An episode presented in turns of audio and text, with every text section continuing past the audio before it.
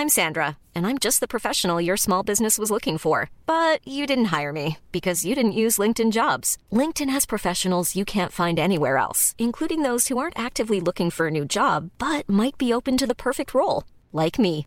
In a given month, over 70% of LinkedIn users don't visit other leading job sites. So if you're not looking on LinkedIn, you'll miss out on great candidates like Sandra. Start hiring professionals like a professional. Post your free job on linkedin.com/people today. Hey, I'm Ryan Reynolds. Recently, I asked Mint Mobile's legal team if big wireless companies are allowed to raise prices due to inflation. They said yes. And then when I asked if raising prices technically violates those onerous two-year contracts, they said, "What the f*** are you talking about? You insane Hollywood ass." So to recap, we're cutting the price of Mint Unlimited from $30 a month to just $15 a month. Give it a try at mintmobile.com slash switch. $45 upfront for three months plus taxes and fees. Promo rate for new customers for limited time. Unlimited more than 40 gigabytes per month. Slows. Full terms at mintmobile.com. Du bliver ikke lykkelig, hvis du tror, at du skal arbejde meget, og så der kommer mange penge i konto. Fordi så glemmer du, at du fravælger noget. Så ja, hvis der kommer nogen og indsætter pengene på din konto, fedt. Men det at sige, der skal bare stå penge på min konto, det har i sig selv ikke. Lars, hvad er det vigtigste, du har lært om penge og økonomi ved at have studeret emnet helt ned i dybden i øh, snart 35 år? Jeg læste den først rigtig gang om, om økonomi. Jeg læste min, uh, hvad der blev min yndlingsøkonom, Milton Friedman, uh, da jeg var 16 år. Og så siden da har jeg sådan været lidt besat af økonomi og penge. Øh, og, og penge øh, betyder jo to ting. Penge betyder, øh, når vi siger, har du tjent nogle penge? Så, så taler vi om, at det, det, det, det, det er vores indkomst. Men for økonomer så betyder penge det, vi laver transaktioner med. Og det har en funktionsevne. Så det er selve det, det betalingsmiddel, eller det er noget til at spare op med, eller det er noget til at regne i. Milton Friedman vidste en masse om pengepolitik. Han vidste en masse om penge, som det der betalingsmiddel, og hvad det gjorde. Når man trykker for mange af dem, så kommer inflation, og når man trykker for lidt, så kommer der deflation, osv. osv. Som altså også som et makroøkonomisk fænomen. På den anden side, så er min nummer to yndlingsøkonom, det er Gary Becker. Og Gary Becker, der i øvrigt var elev af Milton Friedman, begge to på University of Chicago, Gary Becker var optaget af, det, af, man skal sige det modsatte, han var optaget af individet, der træffer valg. Og hvordan vi kan bruge den økonom, økonomernes værktøjskasse til at forstå de valg, vi træffer. Ikke om, hvad for nogle aktier vi skal købe, eller øh, om, hvad lønningerne er, eller om skatter er gode eller dårlige, men om, hvorfor bliver vi gift? Hvorfor begår vi kriminalitet? Øh, altså, hvad er det, det han, han fortæller om? Jamen, så hvis jeg skulle sige, hvad er det, jeg har lært, så det, jeg har lært, økonomi er sådan et fantastisk værktøjskasse, jeg kan bruge til at forstå verden. Inden vi gik på her, snakkede vi om slankekur. Jeg, jeg kan bruge den der værktøjskasse til at forstå, hvorfor jeg træffer et valg om at proppe en jænkebar i munden, eller ikke gøre det, eller løbe en tur, eller ikke gøre det. Fordi økonomi, det handler basalt set, den økonomiske værktøjskasse, handler om at forstå vores valg. Og et hver valg er forbundet med et fravalg. Nu sidder jeg sammen med jer to dejlige drenge. Hvorfor sidder jeg her? Ja, det, det ved jeg ikke. I ringede og spurgte, om jeg ville komme. men, men, men det var ikke, fordi I ringede og sagde, at vi har en million til at komme. For det, det kan jeg godt oplyse. Jeg gør det gratis. Men, men, men jeg, jeg gør det gratis, fordi... Jeg har en kuffert her, øh, Lars. Ja, det har vi ikke fortalt. Nej, det, det var meget godt. Skal jeg sige, det, det er det, man økonomer kalder windfall gain. Det er, når der lige pludselig falder nogle penge ned foran en. Men, men, men det der med, at, at, at, at jeg træffer et valg til, okay, det der lyder sgu meget sjovt. Det giver mig noget glæde at være der. Okay, jeg kunne selvfølgelig godt have siddet og lavet noget andet i den time. Og hvis jeg nu skulle have været ude og holde et foredrag på det tidspunkt, så havde jeg nok ikke sagt, øh, de der 25.000, som en eller anden tilfældig bank skulle betale mig for at holde for en times foredrag, dem skipper jeg lige. Vel? Ja. Men, men jeg bruger faktisk, øh, når jeg selv træffer valg, øh, sådan i de der valg, så holder jeg det altid op mod. Det er vigtigt, når vi træffer valg, også fordi vi ikke skal bare solde vores tid væk. Fordi når vores, vores tid er også penge, ikke? Også det siger vi jo tit. Mm. Men man kan sige, at vi bliver glade for to ting som mennesker. Det ene, det er, at vi, øh, vi, kan, vi kan købe os. Der står en, øh, en lækker monster sodavand her på bordet. Den tager lige en energidrik hedder den. Ja. Den kan jeg købe. Men, men for at købe den, så skal jeg jo have nogle, noget indkomst. Og det indkomst kan jeg jo kun generere ved at arbejde. Altså ved at lave et eller andet for det. Men det går så ud over det andet, jeg godt kan lide, nemlig at have fritid og være sammen med familie og venner og alt muligt andet. Så i virkeligheden, så er det sådan helt fundamentale valg. Det er jo mellem på den ene side fritid, og på den anden side Mm. forbrug. Så, så det, jeg har lært i virkeligheden allermest om, det er at koge, koge, koge alle økonomiske, og ikke det, vi normalt ikke vil betragte som økonomiske ting, men som, som, som jeg som økonom opfatter for noget, til valg. Ja. Ikke også? Og det kan sige, det, det, det der med at sige, at vi træffer valg, og med et hver valg følger der et fravalg. Og det kan man sige, at et hver valg også har en omkostning. Ah, det er fedt. Øh, vi, vi ved godt, der er en omkostning, når vi skal købe en ny bil. Så tager vi nogle penge. Men når vi vælger at sige, jeg arbejder lige 10 minutter ekstra, eller en halv time ekstra, så vel, fravælger jeg også at være sammen med mine børn. Og det er jo, det er jo en ret konkret omkostning, håber jeg for de fleste. Øh, så, så, så for mig at se, så handler økonomi som videnskab, som en måde at tænke på om valg. Lars Christensen, jeg skulle lige til at sige, at man kan godt mærke, at du er medievant, fordi du kommer hen, og så tager du lige studiet. og det er bare sindssygt dejligt jo, at øh, have dig med her. Du er, øh, som sagt, makroøkonom, kan jeg kalde dig. Øh, du ved en masse om pengepolitik. Du arbejder med finance, som kan man oversætte det, det til penge, økonomisystemer? Nej, ja, jeg, jeg, jeg beskæftiger mig med finansielle markeder. Jeg rådgiver jo om, om, om det. Og jeg taler om det, jeg holder masser af foredrag. Øh, en, en stor del af min, mit liv, det er at netop at formidle økonomi. Vil du sige, du har et, øh, også et brand, som en, der er virkelig dygtig til det her, fordi du er så medievant? Jeg kan godt lide at bevæge mig i den verden, der handler om, at det er ultranørdet, det er meget, meget fagligt økonomisk. Jeg bliver meget, meget irriteret over økonomer, der tror, de formidler ved at forsimple budskabet. Altså ved at bare sådan, Åh, jeg laver bare lige en lille billedligt talt her. Nej, nu, nu smider du hele den økonomiske teori ud, og alt det, vi ved fra den økonomiske teori ud. Så er du ikke særlig god til at formidle, fordi du tror, at du har 5 minutter til at sige det, eller 3 minutter, eller 3 sekunder.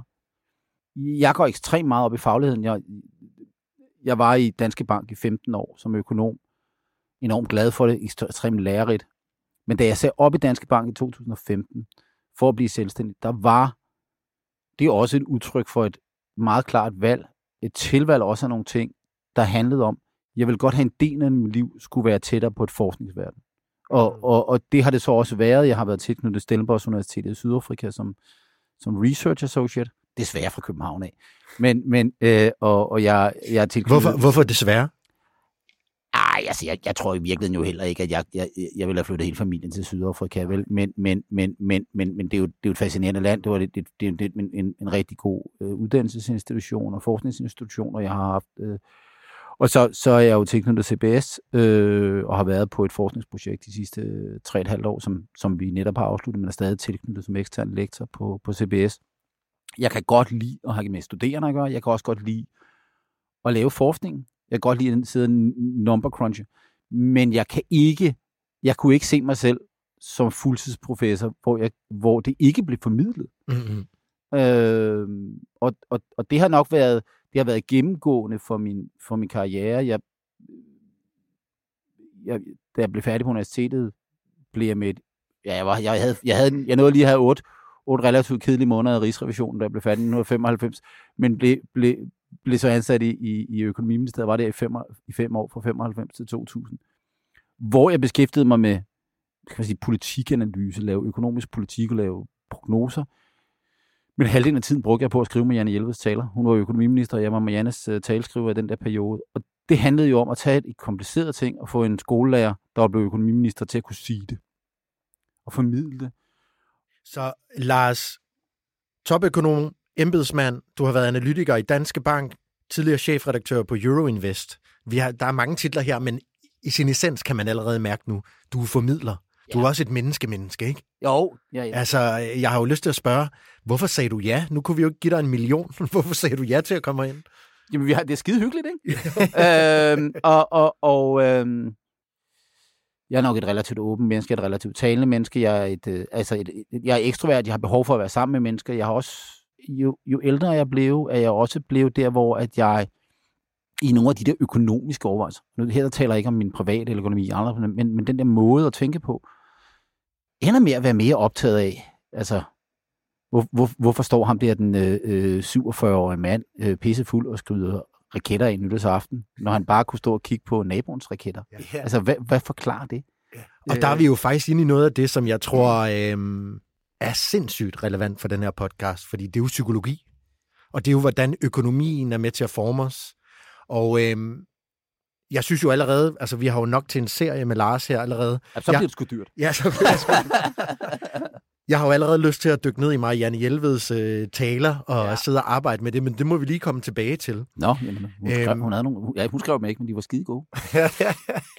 Og jeg vil bare lige sige, hvis man ikke har hørt mere podcasten før, så er det podcasten, hvor vi øh, inviterer lytterne indenfor og graver ned, lærer fra dygtige mennesker, fra nørder, fra eksperter, fra folk, der har noget på hjertet og har haft succes med det, de gør, så vi selv kan bruge det i vores liv, eller i hvert fald blive nysgerrige nok til at lære fra dem. Og øh, Lars, nu, jeg disrupter lige mig selv, det er jo et rigtig godt ord her. Det er super godt. Øh, Jeg vil egentlig have spurgt, hvad du laver i dag, og hvad kernen af dit arbejde er, men det er kedeligt. Det gider, det gider jeg ikke at spørge om. Nej, det gider vi ikke at snakke om. Så vil jeg hellere spørge, hvor er du så i dit liv? Fordi nu sagde du lige det her med at reflektere. Nu har du så arbejdet med økonomi i 35 år.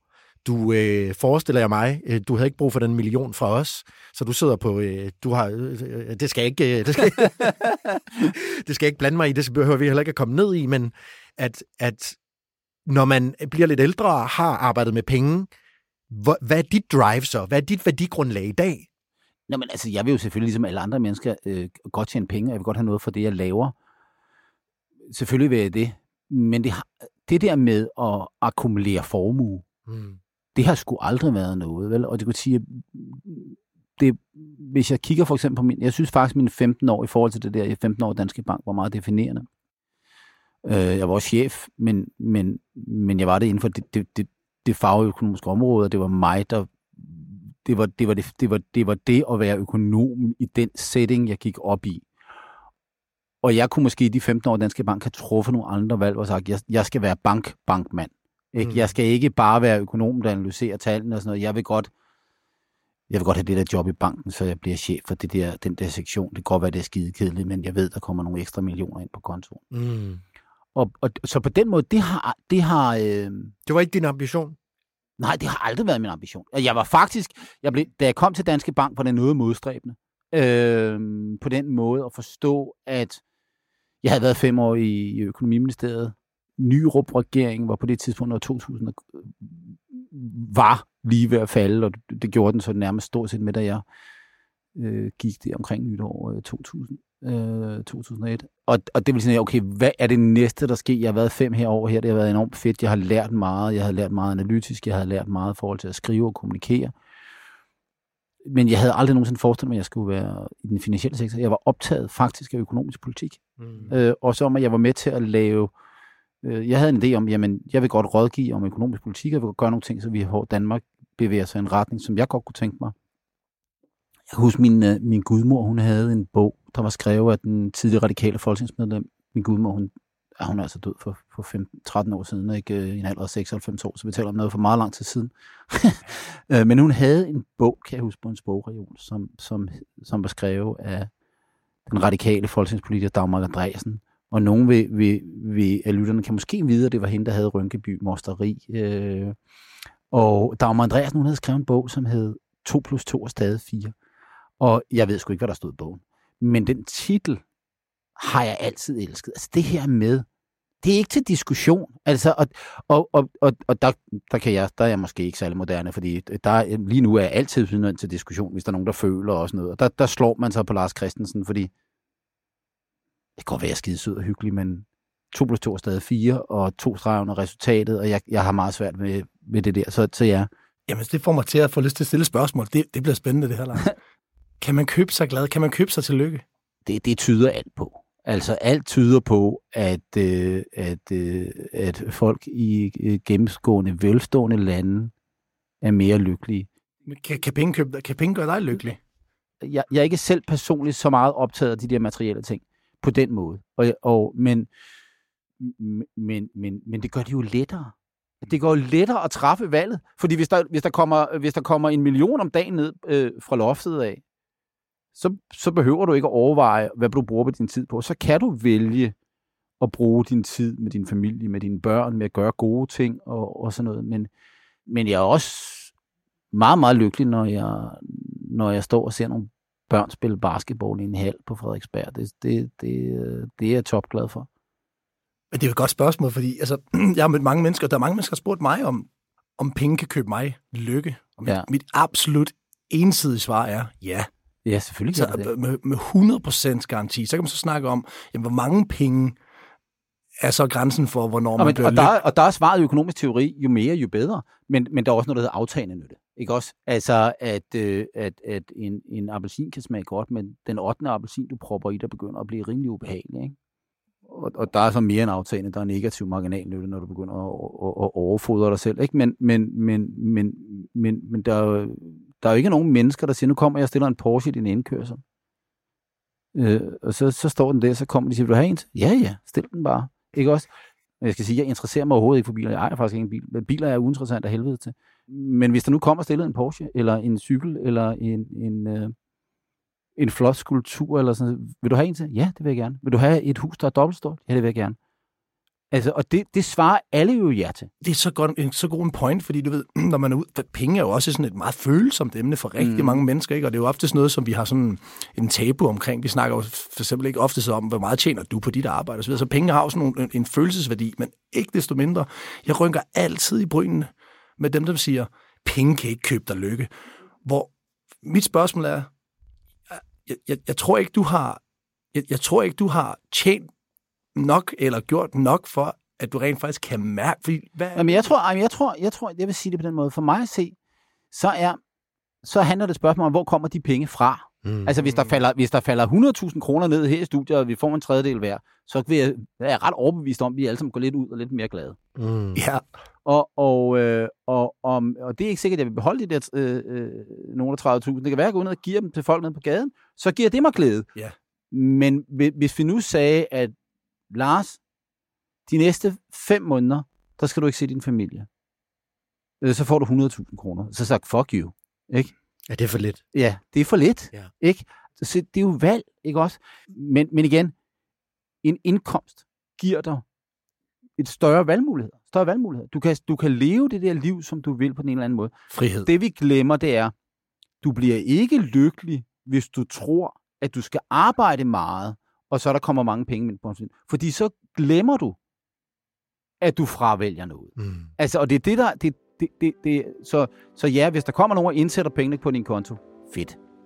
Men, men, men det at sige, det, der skal bare stå penge på min konto, det har i sig selv ikke værdi.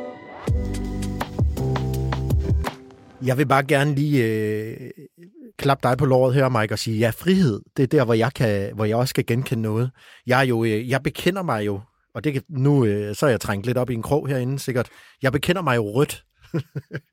altså øh, på den måde, at, at for mig, så, øh, så, ja, hvordan kan man sige det, men, men friheden er vigtig for mig. Og øh, det er vigtigt for mig, for mig følger der også noget ansvar med. Altså, jeg kan næsten være bange for at få mange penge. Fordi så kan jeg blive sådan lidt ansvarsfuld. Og sige, hvad skal jeg så gøre? Hvad skal jeg bruge de penge til? Hvordan skal jeg ændre noget for nogen, ikke? Sådan en, det kan, du, sådan en, det kan du lære. Det er måske sådan en, øh, hvis man skal sidde derude og pege fingre af mig. Jeg er ikke marxist eller noget, det kan jo lyde lidt marxistisk næsten. Det synes jeg da ikke. Nå, Okay. Altså, jeg synes, jeg, jeg synes jo, det er præcis det, jeg siger. Det, det er præcis det, det handler om at sige, jamen, jeg, jeg synes personligt, at den der søgen efter rigdom, s- som offrer de ting, som jeg virkelig sætter pris på, familie især, øh, børn, øh, og også øh, hvad det er for nogle ting, man gør med de penge, ikke også? Men, men, men det ville jo være fu- fu- fuldstændig idiotisk at sige, at penge ikke giver frihed, fordi det er lige præcis det, det gør. Personligt giver det dig mere at vælge imellem. Du kan, du kan vælge at være sammen med familien 24 timer i døgnet, uden at skulle sulte, hvis der var faldet nogle penge ned. Men hvis hien bliver, og det er der, hvor det kommer ned til den personlige præference, at sige, "I- jamen jeg vil bare søge efter penge, øh, fordi jeg vil bare maksimere mine penge. Ja. Og det, og det, det, er jo, det er jo lidt en karikatur af det der med økonomi. Det er sådan et, når man det, det er, de siger profitmaksimer, eller de nyttemaksimerer, og, og, og økonomer siger, at, at, at mennesker er øh, selviske, egoistiske. Nej, nej, nej. Det er ikke det, økonomer siger. Økonomer siger, at vi vi træffer formålstjenlige valg. Vi træffer noget, som vi for, forventer forbedrer vores nytte. Men nytten kan jo være alting. Mm. Nytten kan være at sige, 15 år i den finansielle sektor, det er sgu nok. Jeg siger op, jeg vil være selvstændig, jeg vil træffe nogle valg, jeg vil godt bruge noget af min tid på at forske, jeg vil godt bruge noget tid på at, at være sammen med mine børn, jeg vil godt, øh, jeg vil godt sige, hvad jeg mener. Jeg vil ikke have mundkur på, skal jeg sige, det har jeg ikke haft følelse af, jeg har haft, men alligevel handler det jo om at træffe valg. Og, og, og det er jo lettere, hvis der falder nogle penge ned fra luften af. Så det vi godt kan blive enige om, det er, at penge giver dig rådrum, penge kan give dig frihed. Der vil jeg bringe en ind, penge kan give dig magt på den måde, at du kan bestemme over dig selv. Ja. Du kan bestemme over andre, hvis du får nok penge. Du får i hvert fald et, det er nemmere at bestemme over nogen, øh, når man har 100 millioner, eller hvis man er hjemløs, ikke? Ja, at du kan, du kan købe nogen til at gøre ting. Ja. ja. Det interessante for mig, det er jo, at jeg, jeg har en ven, som lige øh, en franskmand, som er flyttet til Litauen, ja. som også er økonom. Og han forskede jo i kærlighed som ja. et system, som et økonomisk system også. Mm. Kan du forklare mig, altså, nu, nu trækker vi den bare lige helt op, men det her ja. med, at økonomi er andet end penge. Ja, ja fordi jeg, jeg altså, en anden Gary Becker før. Ja. Øh, Gary Becker har skrevet en bog, der hedder Treaty, Treaty on the Family, som handler om, hvad er det for nogle valg, vi træffer som familie? Hvorfor vælger vi at blive gift? Hvorfor vælger vi at få et vist antal børn? Altså, vi, vi, ja. hvis, hvis vi går ned på gaden her og, og, og stopper øh, en mor med en barnevogn, og så kigger ned i barnevognen og så siger, Nå, er det, er det nogen produktion? Er det der en investering, du har lavet, eller er det forbrugsvalg? Og så, så, bliver, så bliver moren nok øh, noget fortørnet. ja, wow. Øh, dårlig investering. Ja, ja, det er en dårlig investering. Det er pisse dyrt, det der. Ikke? Og, og jeg ved godt, du har skrevet mig op nede på privatskolen, lige nede om hjørnet. Ja. Øh, vi er ikke så langt fra en privatskole, der ligger herovre på venstre hånd. Og øh, det koster noget, og du skal også vise barnet frem. Det skal have noget tøj på, og det skal se lækkert ud. Og det kan jo ikke gå i sådan noget almindeligt tøj. Det må have et eller andet mærket tøj på, og du er meget optaget af, hvordan det ser ud. Ligesom din bil, og ligesom din mand, og alt det der. Du, du træffer noget valg. Faren vil være det samme sted. Øh, og faren og moren forhandler også om nogle ting. Hvor meget arbejder du? Hvor meget arbejder jeg? Hvem tager bordet? Hvem tager vasker tøj? Øh, hvem får købt de der gaver, når vi skal ud til onkel Bjarne? Øh, og alt det der. Det er alle mulige handler, vi laver internt i familien. Men, men hvis, hvis det nu havde været i, i Afghanistan, eller i Kenya, var det så forbrugsvalg? Nej, så var det barn en investeringsbeslutning, en opsparingsbeslutning, fordi du ved godt, der er ikke noget offentligt der er ikke noget øh, offentligt pensionssystem. Der er jo heller ikke nogen finansiel sektor eller noget finansielt marked, så du kan ikke spare op i det. Så den pensionssystem, du har, det er, at du skal have nogle børn, der tager sig af dig, når du bliver rigtig gammel og ikke selv kan. Mm. Og du tager sig af dem der. Så der er det en investeringsbeslutning. Ikke? Og det kan man sige, det er noget forfærdeligt noget. Nu koger du det der ned til det der. Det betyder ikke, at, at, at vi ikke har følelser og alt muligt andet. Men nogle gange så bliver nogle af de ting meget lettere at forstå, når vi ser det i, den, i, den, i, den, i, den, i det perspektiv. Det er jo, det er jo pissespændende, fordi øh, nu kommer jeg lige med et eksempel. Og jeg tænkte på dig, jeg har skrevet det her ned ja. i mine noter. Jeg var nede på biblioteket, fordi jeg lige skulle låne to bøger. Og øh, der køber jeg en bolle med ost. Ja. Og hende damen, der kommer ud, altså hun kigger mig ikke i øjnene. Hun øh, er sådan lidt lukket. Og så ender hun med at give mig den forkerte bolle. Jeg går op og spiser min bolle. Og da jeg sidder der, jeg er normalt meget høflig, venlig mand. Det var en rigtig dårlig transaktion, vi havde haft. Ja. Så jeg sidder faktisk lige og overvejer, skal jeg lade det her øh, tallerkenen, koppen stå? Fordi fuck hende, ikke? Ja, du har altså, ikke, ja. Der, altså, hun har ikke, hun har ikke ligesom, hun har ikke købt noget af mig. Altså, jeg var sådan, Nå, men okay, hvis det er det, du giver mig, så giver jeg dig det tilbage. Og så tænkte jeg jo bare, at der var i hvert fald en, der var jo en psykologisk transaktion, ja. hvor man hele tiden handler jeg med Jeg hader det ord der.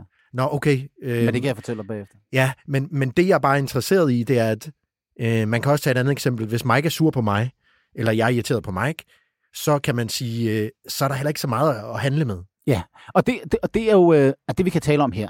Øh, det er jo det, økonomer kalder et gentaget spil, inden for det, vi kalder spilteori. Nu, øh, nu ved jeg ikke, om du skal ned på det der bibliotek og købe en bolle igen. Hvorfor fanden kan man købe en bolle på det bibliotek? Det er bare et godt bibliotek, Nå, der er på ja. Rentemestervej i København. Nå, ja. Nå, ja, Københavns Kommune. Men de, hvor, hvor bollerne så er, er lort, og servicen er lige så dårlig. Men, men, men, men, men anyway, det, det der sker jo, det er, øh, lad os nu sige, du går ind i en butik. Øh, du har aldrig nogensinde tænkt dig at komme tilbage igen. Øh, og de ved, du aldrig nogensinde kommer tilbage igen. Du skal, du skal bare købe en hammer. Og du køber hammeren, og så er der et service nu. Hvis det godt vil dig til at komme tilbage igen, så skal du have en fed oplevelse, ikke? Jo. Så skal du dejligt, det var dejligt at se dig. Ja. Øh, velkommen til.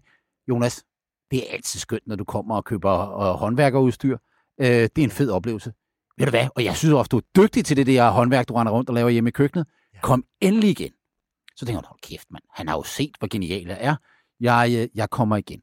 Ikke? Han gør det, fordi altså Adam Smith taler om det, for skal man sige, mm. moderne økonomis grundlægger i, i 1776 i The Wealth of Nations, nationernes velstand.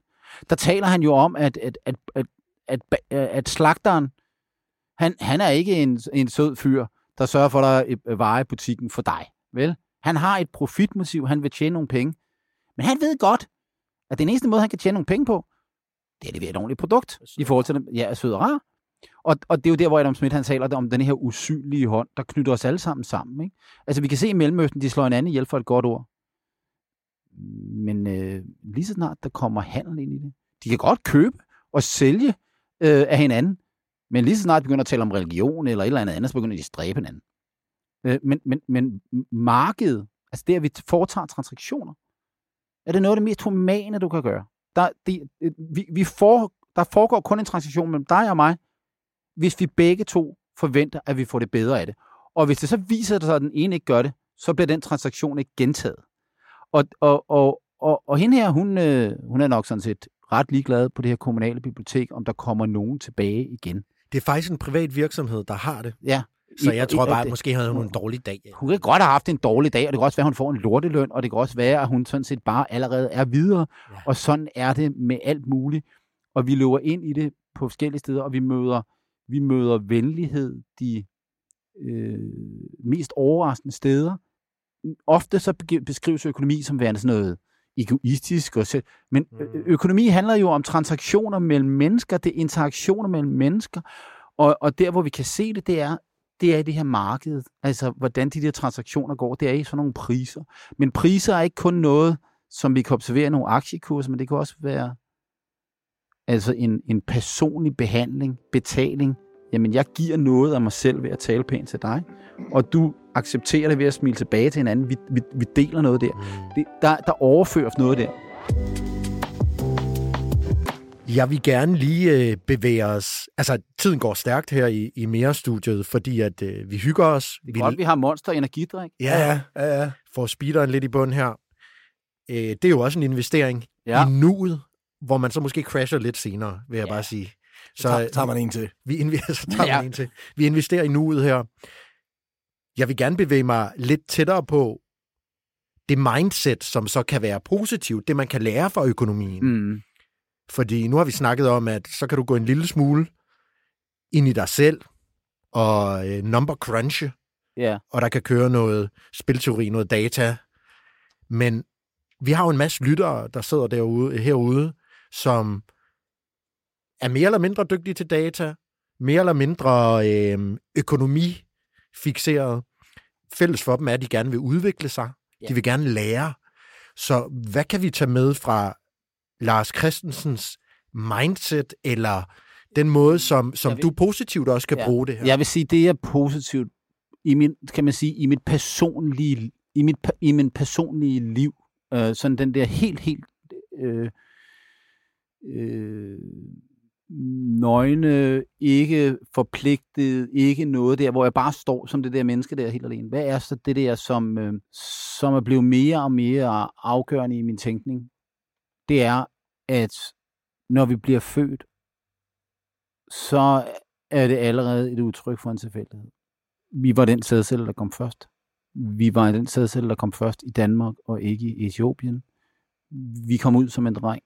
Vi kom ikke ud som en pige vi kom ud med nogle forældre, der kunne et eller andet, der ikke var narkomaner, som gjorde et eller andet, som flytter os et eller andet, som gjorde... Så der, der, der bliver slået plat eller kron hver eneste dag i dit liv. Det gør der også med dit helbred.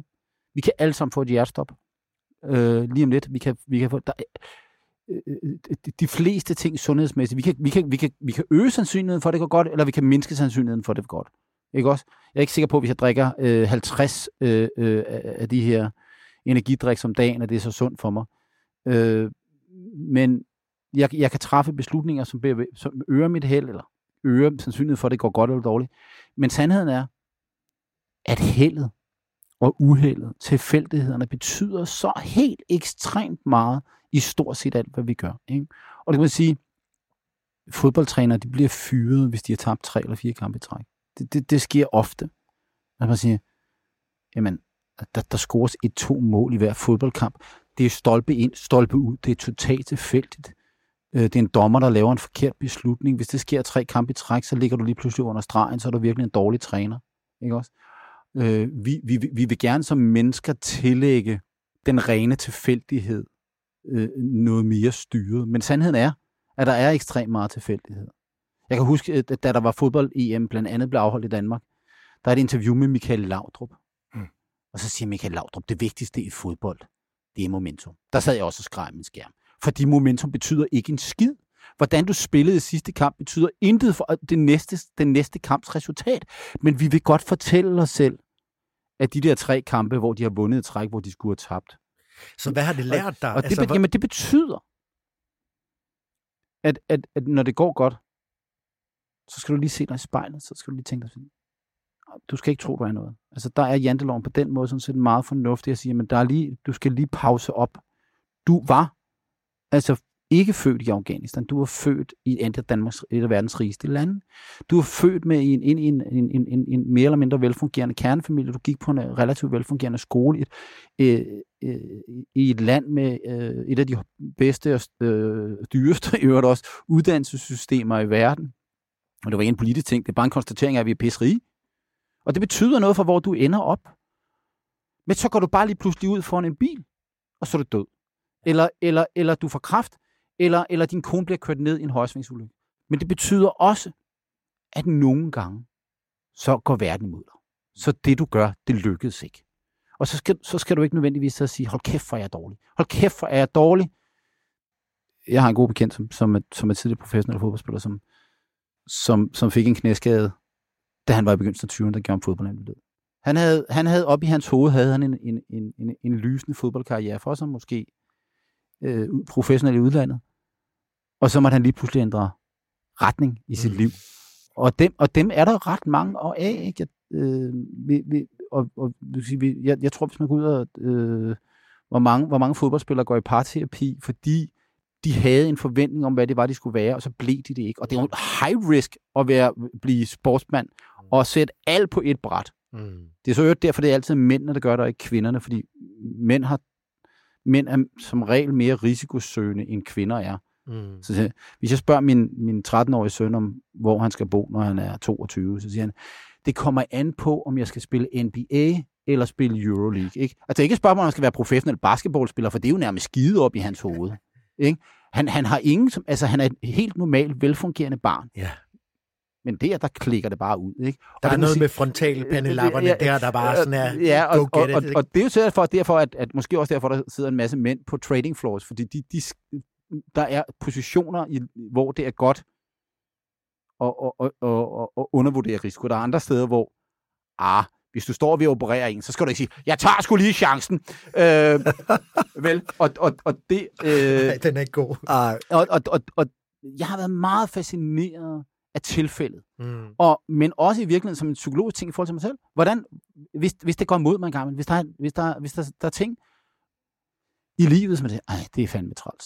Ikke? Øh, jeg lagde min, øh, min kun 62-årige tante i, i jorden, og til det hendes bisættelse i, i, i, øh, i fredags. Øh, død, død af kraft. Mm. Og det, det kan du jo ikke bare sidde og sige, om vi slog plat eller krone. Altså, familien er selvfølgelig dybt kede af det, men der, vi, vi ved det jo også godt. Vi ved, at, vi kan he, at det her, det, det kan desværre mm.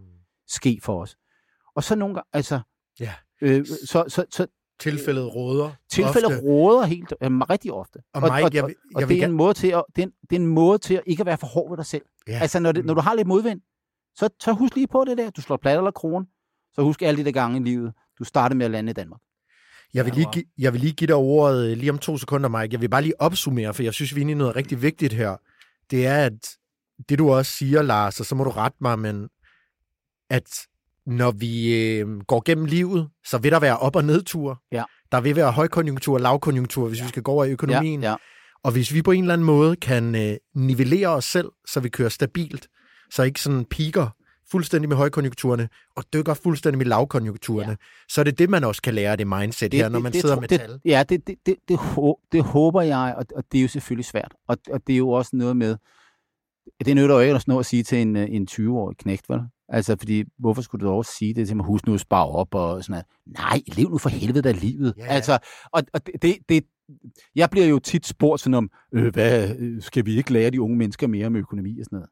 Nej, gud skal vi ej, de, de, de skal sgu nok lære det. Altså, der er en budgetrestriktion, der, de finder ud af det, og øh, vi finder alle sammen ud af det. Og, og, og for langt de fleste mennesker, så går det sådan set øh, godt med de der ting der, og, og vi skal lære igennem livet og sådan noget.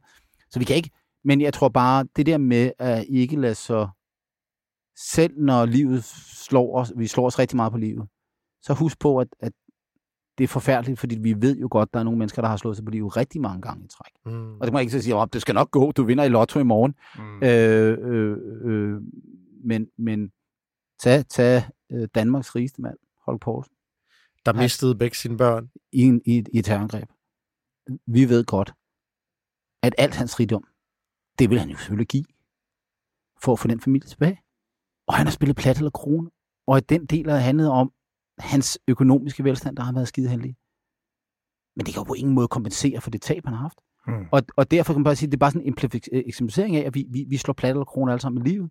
Og, og, og, og derfor er livet jo heller ikke retfærdigt. Altså, det er på ingen måde retfærdigt, og hvis vi prøver at finde sådan en større retfærdighed i det, så det er måske derfor, at folk de bliver religiøse, fordi så, så er der en eller anden afregning på den anden side. Ikke? Ja, det er, det, som jeg synes er super interessant, og vi snakker også lidt om det før. Det er, og jeg tror, øh, der, der er vi meget ens der. Det er sådan den meget analytiske tilgang til beslutninger. Ja. Og, øh, og, og noget, det, noget, vi snakker om inden, det var, at du havde du var gået lidt ned i vægt. Og mm. du havde haft en tilgang til det, som jeg synes var ret interessant, og den siger meget om, for eksempel det der med at bare, bare lige forstå kalorier, og lige holde øje med det, lige track det lidt, ja. øh, crunch den om the numbers i hovedet. Tror du ikke, at hvis man, hvis man havde en lidt, som en ganske, ganske almindelig dansker, hvis man havde en lidt mere analytisk tilgang til de ting, man gerne ville, at man kunne vinde lidt mere frem. Det vil jeg jo gerne sige. Jeg vil jo også gerne sige, at jeg selv havde det. Nu har jeg været igennem sådan et, nogen vil, et, et, et, øh, nogen vil betragte som det halvpsykotisk øh, øh afstumpet vægttab, fordi jeg var kommet til at veje 93 kilo. Det skal en mand på en, en tyndarmet øh, øh, økonom på 81 jo ikke veje. Det var ikke brystkassen, der var vokset? Nej, det var det ikke. Det var sat mig ikke kønt, vel? Og skjorten var for stram, og jeg synes, det var lidt halvpinligt. Og jeg jo så sagt i en podcast med min gode veninde Camilla Boraki, at nu skal jeg tabe 10 kilo, og gå ud af studiet og sige, at det, det skal jeg. Og, og, og, jeg, og jeg har i de senere år beskæftiget mig meget med, med hvor kom, hvorfor er der visse lande, der er overvægtige, hvad betyder det for, for sundhed, og hvad betyder det for sundhedsøkonomi, og hvad betyder det for personers økonomi at være svært overvægtig og alt muligt andet. Og, og har ligesom, så jeg har haft sådan en fascination over den her sundhedsøkonomi-verden, som er som accelereret under coronaen du kan plotte en graf med, det er så typisk økonom, starter med sin personlige slangkur med at plotte en graf af, af nogle lande. men, men, men, men altså, hvis du kigger på, hvor hold mange... Fast, hold fast, kære lytter. Ja, hvor, hvor mange, hvad er det gennemsnitlige kalorieindtag i, øh, i forskellige lande? På den ene aktie, og så op ad den anden aktie, det er, hvor, hvor stor en andel af befolkningen er svært overvægtig. Eller er overvægtig. Og så ligger det jo sjovt nok på en ret linje. Og så, så er det sådan set ret klart. Altså, vi kan, vi kan tale om den ene øh, slankekur, den anden metode og alt muligt. Jeg, jeg, jeg er sådan set ligeglad. Men jeg kan bare se, og det kunne ernæringseksperter jo sådan set godt fortælle os almindelige tænkte mennesker, at jo flere kalorier du propper i kæften, jo tykkere bliver du. På den ene eller anden måde, vi reagerer forskelligt på det, og, og det er ensartet på tværs af landene. Og når amerikanerne så spiser øh, noget, der er i nærheden af 3700 kalorier, mand og kvinde, i gennemsnit per dag, så er det ikke underligt, at halvdelen af befolkningen er svært overvægtig. Vel? Nej. Øh, og, og der er en vej frem. Det er luk munden. Øh, det er så sværere eller mindre sværere. For mig, over de sidste tre måneder, så er smidt 12-13 kilo ved at lukke, lukke munden. Men, men, men det, og det har jeg jo nok gjort, eller det har jeg gjort meget analytisk, at det bliver en nørdet ting for mig at sige, jeg gider sgu ikke veje 93 kilo. Øh, jeg skal under 80 kilo, og det, det skal jeg fordi jeg der. Og så nørder jeg det. Og så bliver jeg, og, og det, er sgu ikke, det kan godt være, det ikke er økonom, det kan måske være, det lige så meget den der, han er sgu da ADHD. Nej, altså, det, der, øh, øh, nej, men, det er jo analytisk. Det er jo analytisk, ikke også? Øh, og, og, og, og jeg, er da, jeg, er da, jeg er da helt med på, at hvis man har en analytisk tilgang til mange ting i livet, så, så, så tror jeg, det hjælper dig. Jeg, jeg, jeg vil bare på ingen måde sige, at jeg var mere analytisk. Jeg, jeg, for de fleste mennesker ved, at jeg har let til tårer, jeg har let til grin, jeg er et følelsesmenneske, jeg, øh, jeg er også sådan en menneske-menneske. Jeg elsker at være sammen med mennesker, jeg, og elsker at have gode venner og familie omgiver mig, og, og, og, og også forretningsforbindelser og andet. Så, så, jeg, så jeg er ikke sådan det der, jeg, jeg, det, er ikke, det er ikke sådan en kynisme, der driver det. Men som, jeg tror, at man, man kan meget hurtigt komme til at lyde som en meget ubehagelig øh, type, hvis man, hvis man er meget analytisk. Men det er altså også en måde at komme lettere rundt i livet på. Lars og Mike, vi er ved at være ved slutningen af den her episode. Jeg øh, har dog... Der er noget, jeg ikke har fortalt dig, Lars. Og det, er- altså, Nu det, kommer striberen. Nej, desværre Nå. øh, er vi jo øh, så langt, at det, det er der simpelthen ikke tid til. Ej, nu må hun gå hjem igen. Ja, nu må hun gå hjem igen, så det, der er lidt spildt ja. øh, tid der for os alle sammen. Jeg vil bare sige, at jeg kom bare til at tænke på, når du snakkede om, hvordan du øh, tilgik dit vægttab, Ja. så øh, kunne jeg bare, op i min hjerne blev der bygget sådan en bro til noget af det, du snakker om, når du mentorerer mig. Ikke? Det er, at man skal investere sig selv i det, man gerne vil ændre. Mm. Og det lyder jo rigtig, rigtig meget som om, at det her, det var sådan en lille fetichering af dit eget øh, vægttab. Hvordan kunne du nørde det? Hvordan kunne du komme ind i det? Og måske også, som du også nogle gange snakker om, Mike, kan man fremskrive sine dårlige vaner og se, hvad kan de få konsekvenser? Eller... Så, så jeg synes bare, der var en meget smuk bro i forhold til Jamen, noget af det, der, er, jamen, der er ikke nogen tvivl om, at, at, at, at Mike og jeg jo er optaget af det samme øh, på den der måde. Jeg, jeg vil så også sige, at jeg har øh, og det er sådan nærmest lidt sådan en øh, lidt halvflot at blive, blive optaget af ernæring og sådan noget, fordi jeg har sgu aldrig været optaget af ernæring, vel? Og øh, jeg har nødvendigvis ikke opført mig, som om jeg skulle være optaget af ernæring. Men lige pludselig så kan jeg se nogle af de problemstillinger, som økonomien, økonomi er som, som videnskab en relativt hardcore fakt, factsbaseret ting. Og der er masser af uenighed blandt økonomer om ting, men, men, men, men det første, man lærer, når man begynder at læse økonomi, når man læser kant lidt for eksempel Københavns Universitet, det er masser af matematik. 2 plus 2 er 4 og sådan nogle ting. Men, men undersøger noget statistisk, så er der sådan en relativt stor krav til den måde, man, man sikrer noget statistisk signifikant. Hvis man så bevæger sig over i ernæringsvidenskaben, og så hører, der, ernæringsvidenskaben og økonomien har jo sådan set det der til fælles, ikke? fordi der eksisterer, når du, når du går ind på øh, en, går ind på Ekstrabladet eller på BT, og så vil der så sådan en overskrift, ikke? sådan taber du 50 kilo. Eller øh, bananer giver dig kraft, står der det pludselig. Eller, eller øh, der, øh, der er et meget stort fransk studie, der for nogle år siden viste, at orange juice gav dig kraft. Øh, viste, godsøjnen er her. Øh, det de havde gjort, det er, at de havde spurgt 300.000 franskmænd over 15 år, de havde fulgt dem. Og så havde de spurgt dem om alt, hvad de spiste. Det var noget med, at for eksempel 15 forskellige ingredienser. Ikke? Alt fra nødder til bananer, til sukker, til kaffe. Øh, og så havde de spurgt dem, hvordan har du det? Er du ondt i hovedet? Har du kraft? Øh, mm. Halter du? Whatever. Og så tager man alt det her data og smider det ind i maskinen, og så kommer der ud. Den eneste statistiske sammenhæng, det er, det er, at der er nogen, der har drukket meget, øh, siger, de har drukket meget øh, orange juice, de får også kraft. Og så siger man, der er en sammenhæng. Så nej, altså det er jo totalt tilfældigt, Ja. ja. at det var den sammenhæng. Kunne I virkelig ikke finde andre sammenhæng? Nej. Og det synes jeg faktisk er interessant i forhold til ernæring. Det er, det er fandme meget, meget svært at finde noget, der overhovedet er rigtigt. Ikke? Gå ind på kraftens bekæmpelse, der står, du ikke må spise rødt oksekød. Bare sådan, stop jer.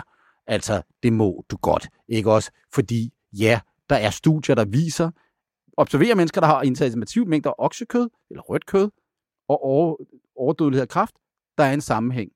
Men hvad er dimensionen så? Ja, hvis du spiser 100 kilo oksekød om dagen, så stiger sandsynligheden for, at du får kraft med en procent. Ja, der var en sammenhæng, men den er jo ikke vigtig, den sammenhæng. Og, og det vil sige, når en masse af de ting, vi lærer i økonomien, den måde, vi bruger det på, når man, lige så snart man kommer over i det der øh, ernæringsaløje, så er det sådan, at der er jo fucking ingen videnskabsmænd her, vel? Der er jo ingen, der stiller krav til, at det er statistisk. Og det, der klikker, det er, orange juice giver kraft, eller det er sundt at drikke et glas rødvin om dagen. Ja, den hopper vi alle sammen på, ikke også? Og hvis der også stod, at det- var, det var sundt, hvis, hvis vi røg, så ville det jo være super godt. Men det er det altså ikke, det dør du af. ja. øh, ikke? Fordi at overvægt er blevet så stort et fænomen, samfundsmæssig problemstilling, at det begynder at blive meget, meget dyrt økonomisk, også for vores økonomiske vækst. Så bliver, så bliver overvægt et økonomisk fænomen, og derfor bliver diskussioner om ernæring en økonomisk diskussion. Og så kan, jeg, så, så kan jeg bruge det op i hovedet til at, at, at, at, at sige, at jeg nok skal lade være med at købe den der sneakers, når jeg går forbi 7-Eleven. Jeg skal bare lige have den her, fordi jeg skal. Ikke? Øhm, og det kan godt være i virkeligheden, fordi jeg har operationaliseret. Jeg kan, jeg kan se nogle data, der fortæller et eller andet. Og, men betyder det, at jeg om seks måneder har holdt væk? Det er jeg ensom, fordi det kan være for travlt. Jeg finder ud af, at jeg træffer nogle andre valg. Mm. Fordi for mig at se, og nu vil jeg sige noget, nu kan vi se helt til sidst, noget meget, meget kontroversielt. Du vælger at blive svært overvægtig. Det betyder ikke, at det er let ikke at vælge det. Og det betyder heller ikke, at der ikke er forskel på, altså for nogen så sætter den der Yankee bar så hurtigere end på andre.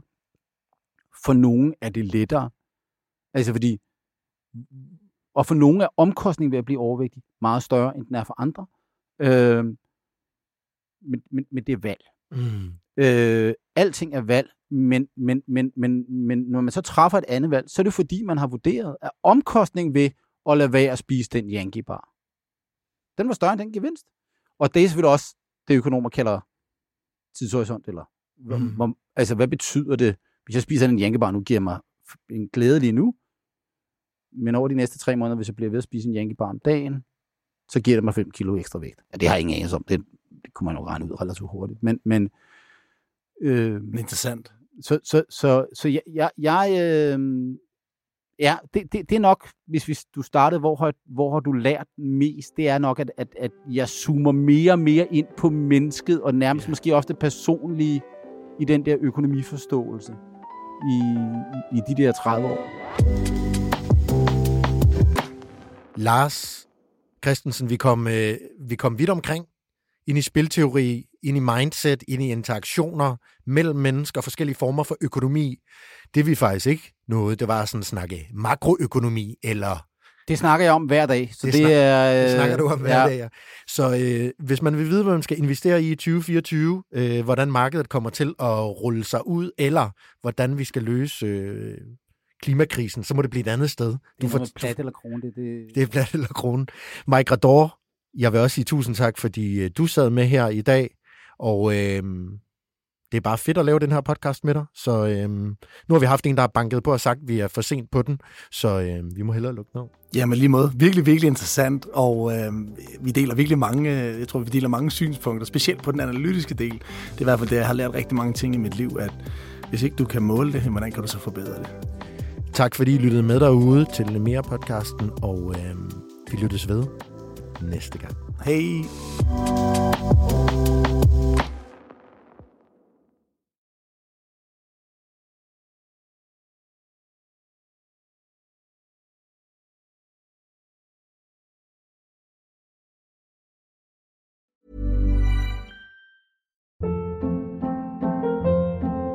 Hold up. What was that? Boring. No flavor. That was as bad as those leftovers you ate all week. Kiki Palmer here, and it's time to say hello to something fresh and guilt-free. Hello Fresh. Jazz up dinner with pecan-crusted chicken or garlic butter shrimp scampi. Now that's music to my mouth. Hello Fresh. Let's get this dinner party started. Discover all the delicious possibilities at hellofresh.com. Mom deserves the best, and there's no better place to shop for Mother's Day than Whole Foods Market. They're your destination for unbeatable savings, from premium gifts to show-stopping flowers and irresistible desserts. Start by saving 33% with Prime on all body care and candles. Then get a 15-stem bunch of tulips for just $9.99 each with Prime. Round out Mom's menu with festive rosé, irresistible berry chantilly cake, and more special treats. Come celebrate Mother's Day at Whole Foods Market.